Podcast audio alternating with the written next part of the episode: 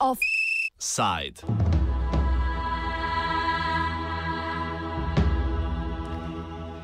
Javnost je pricrljala informacija o obstoju posnetka, na katerem je kitajski veleposlanik v Kopenhagnu predsedniku vlade Ferskih otokov zagrozil, da se lahko njegova otoška država poslovi od trgovinskega sporozuma s Kitajsko, če ne bo v državo spustila telekomunikacijske tehnologije 5G in njenega glavnega širitelja, kitajskega giganta Huawei. Grožnjo je ujela državna televizija Ferskih otokov, ki jo je 22 minut, preden bi sporni posnetek predvajala v živo, doletela sodna prepoved objave posnetka. O geopolitiki Zahodnega Nordika in Arktike smo se pogovarjali z Rasmus Gies Bertelsonom. Pogovor smo začeli z vprašanjem o mednarodnem in političnem položaju Ferskih otokov. Denmark consists of three parts. Denmark, which is what most people think about as Denmark, and which has almost the entire population. Uh, Denmark, the small uh, continental Baltic European country. And then you have the Faroe Islands, which are a group of islands in the North Atlantic between Iceland, Scotland, and Norway, which has a population of 50,000 people. And then, of course, you have Greenland in the Arctic, which is enormous, 2 million square kilometers, but only with 56,000 people. And the Faroe Islands and Greenland, they're part of the Kingdom of Denmark, but they have very extensive uh, home rule or self rule, which means that they, uh, they govern their own affairs in by far most areas of society.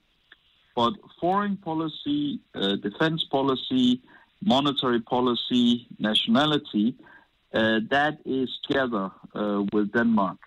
Um, so, so in this concrete case with the 5G network and the trade agreements, well, uh, the Faroe Islands they um, they run their own business policy, infrastructure policy, etc and they also, to a large extent, run their own trade policy. You've said that uh, the Faroe Islands uh, have approximately a population of uh, 50,000, and so this is uh, not a really large population number. Uh, why do you think that uh, Huawei and especially China have such interest uh, for the Faroe Island to uh, embrace the 5G uh, technology offered by a Chinese telecommunication gigant Huawei? I don't have access to those deliberations and decisions, so I don't know. I can only I can only um, speculate. But first of all, first of all, we should of course um, keep in mind that big countries often support their industries abroad quite heavy-handed. That um, the United States uh, is always trying to sell uh, American airplanes. Uh, France, Europe is always trying to sell European airplanes. And Huawei is, of course, by far the most famous and most successful Chinese high technology company. So it's also uh, it's it's not surprising that the Chinese government uh, very strongly uh, supports uh, Huawei abroad. Um, within that context of big countries promoting their national businesses, well, there's of course there's been an enormous amount of pushback against Huawei uh, in many Western countries, North America, Europe, Australia, Japan.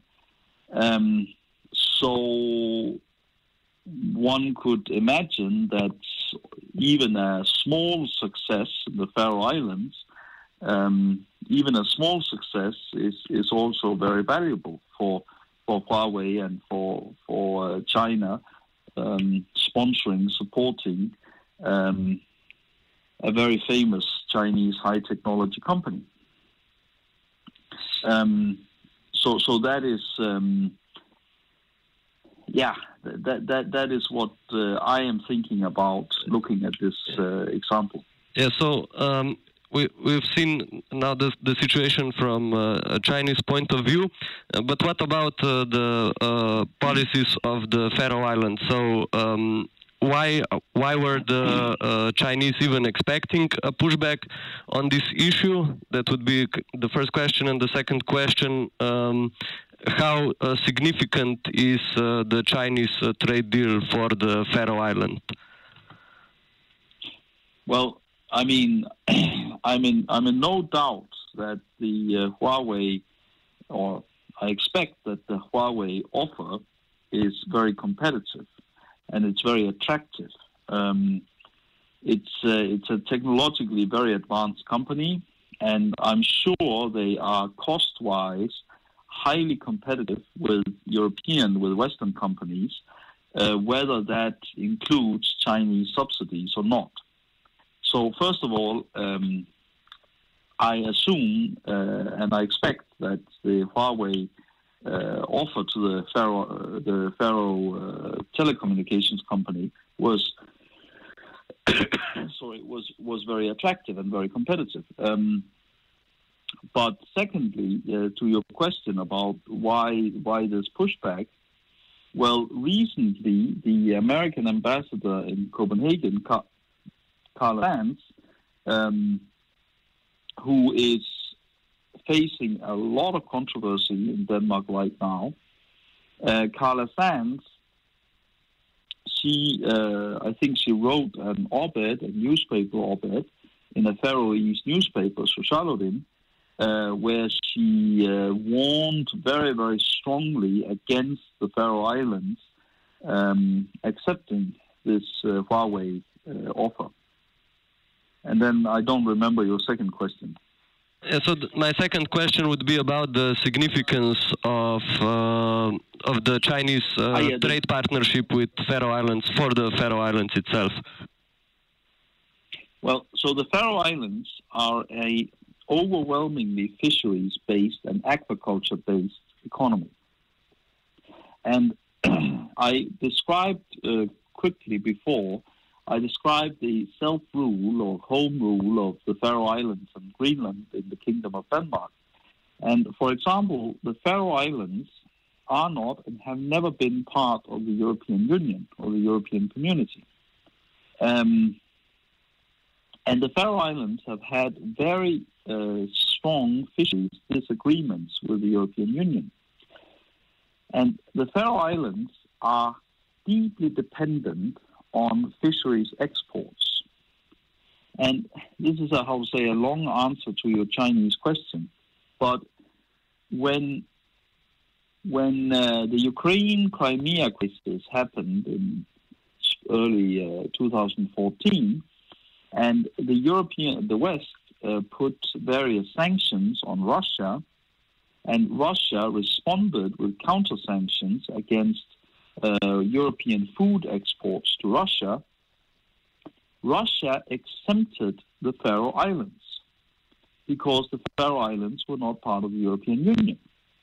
So since 2014-15, the Faroe Islands have had extremely lucrative fisheries exports to Russia. And those fisheries exports, together with very successful aquaculture, uh, fish farming, especially salmon, that has uh, that has really improved the Faroese economy the last four or five years. So if the Faroe Islands could have a similar, very, very lucrative uh, fish export to China, well, that would, of course, be uh, very um, attractive for the Faroese economy. Mm-hmm. To turn uh, questions now to the broader region of, of the Arctic and uh, the uh, the West Nordic. So, um, in a couple of months ago, uh, we we could read about um, the offer from uh, Donald Trump to purchase Greenland. Um, so, uh, of course, this is not the first time that uh, the uh, United uh, States of America have attempted, in uh, one way or another, to uh, gain control over uh, the territory of Greenland. Um, so, why is this? why is this area of um, such a geopolitical importance to major superpowers?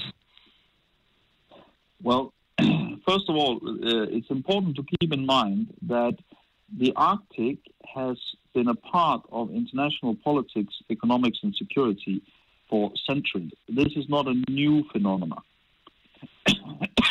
so, for example, during the Second World War, um, the North Atlantic, Greenland, Iceland, Faroe Islands, the part of Norway where I live now, northwest Russia, was very, very important during the Second World War and was a lot of fighting and a lot of uh, death and destruction around here. during the Cold War, the Arctic becomes very important because of nuclear weapons, because the route across the North Pole from North America to Eurasia, that's the shortest route for uh, bombers or missiles. And that's why during the Cold War, there are so many nuclear weapons and radar systems in the Arctic. Now, after the end of the Cold War 25, 30 years ago, we have had a very special international situation and also a very special Arctic situation, which was, which was very benign, very good. And some people uh, confuse that benign uh, good situation with a natural situation. And that's unfortunately not the case. And now the world is changing again. We have we have a rising China where just like during the Cold War we had the United States and the Soviet Union, uh, in the future we will increasingly have the United States facing China globally just like the, the United States and the Soviet Union were competing globally, in the future, the United States and China will compete globally, also in the Arctic. And then, of course, we have Russia. Russia, which in the 1990s and early 2000s, after the dissolution of the Soviet Union, Russia was in an incredibly deep uh, socio-economic crisis. And now Russia has is uh, coming out of that crisis, and therefore Russia is acting much more, um, how do you say, uh, assertively. Um, and what does that mean for the Arctic? Well, um, it means that the United States and China are also competing in the Arctic, just like they're competing in East Asia, um, Latin America, etc., etc. And concerning Russia, Russia is, of course, the largest Arctic state. Uh, Russia covers 40 plus percent of the Arctic, all the way from the Bering Strait in the Pacific to the Barents Sea, not far from where I am. And also, the Arctic is more important for Russia than any of the seven other Arctic countries.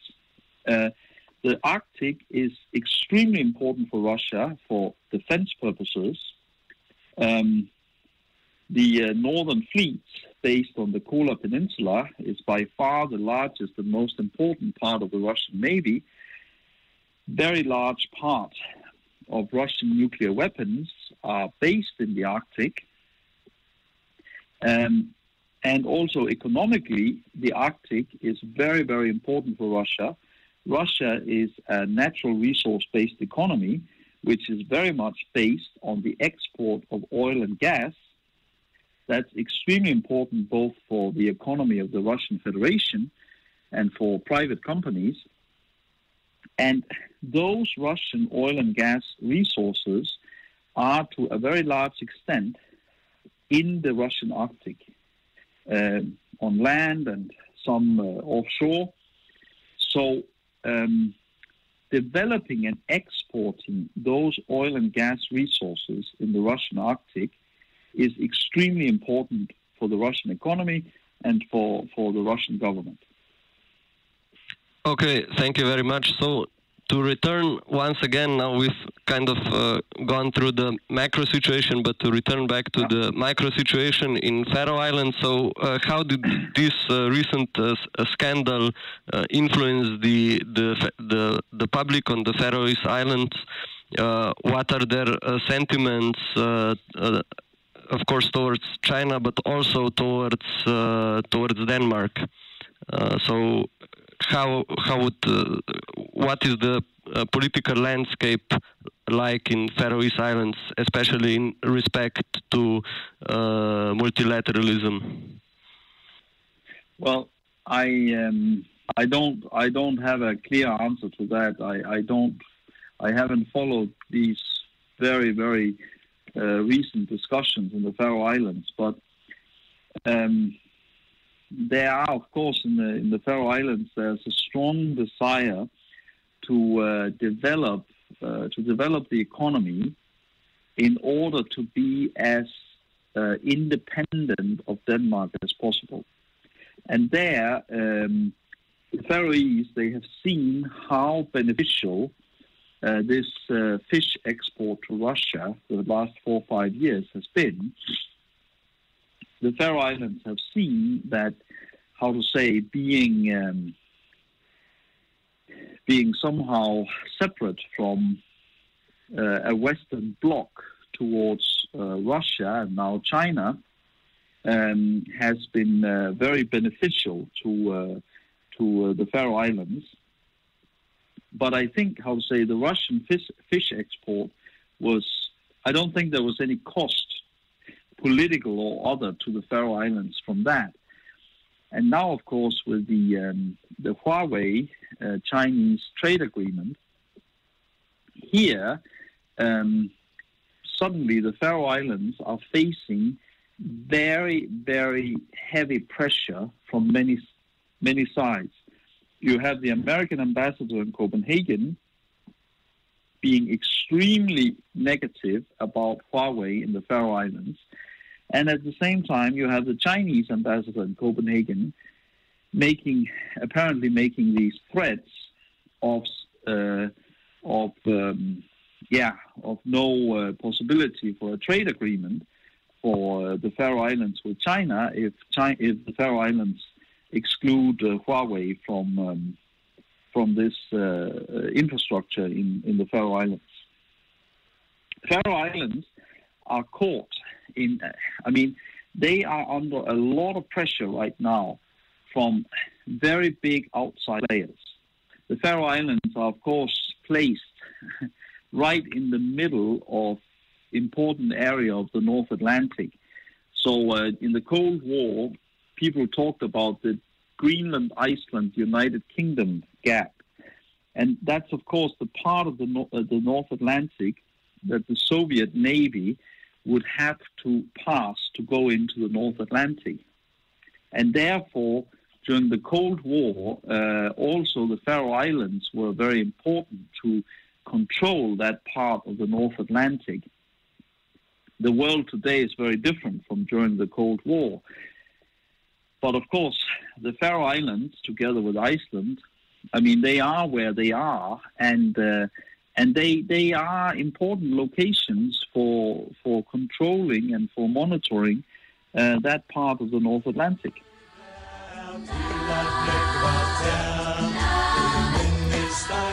Offside je pripravil Zupan. Off.